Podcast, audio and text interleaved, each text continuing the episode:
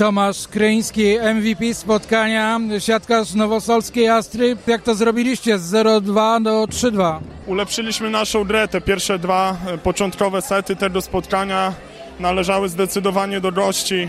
Bardzo dobrze przyjmowali, kończyli te wszystkie akcje po swoim bardzo dobrym przyjęciu. Później to my gdzieś zaczęliśmy analizować naszą grę, grę przeciwnika. Bardzo się cieszymy, że się udało po raz kolejny, przypomnę, w meczu z Krakowem odnieść zwycięstwo, przegrywając już na początku 0-2. Tomasz Pizuński, dziś kapitan ekipy nowosolskiej Astry. Spodziewałeś się trudnego meczu i ten mecz był bardzo trudny. Ale zacznę od tego, że kapitanem jestem e, tylko przez chwilę i sprawia mi ogromną radość, w cudzysłowie oczywiście, dowodzenia tymi chłopakami, bo są wspaniali i nigdy się nie poddają.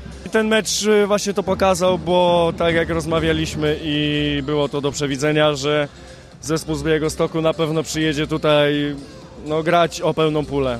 Delikatnie przespaliśmy pierwsze dwa sety, ale jakby też trzeba oddać skuteczność gry drużynie z Białego Stoku, no bo wszystko im wychodziło. My mieliśmy swoje mniejsze, większe problemy, no ale najważniejsze, że jakby liczy się wynik końcowy i, i z tego jesteśmy zadowoleni.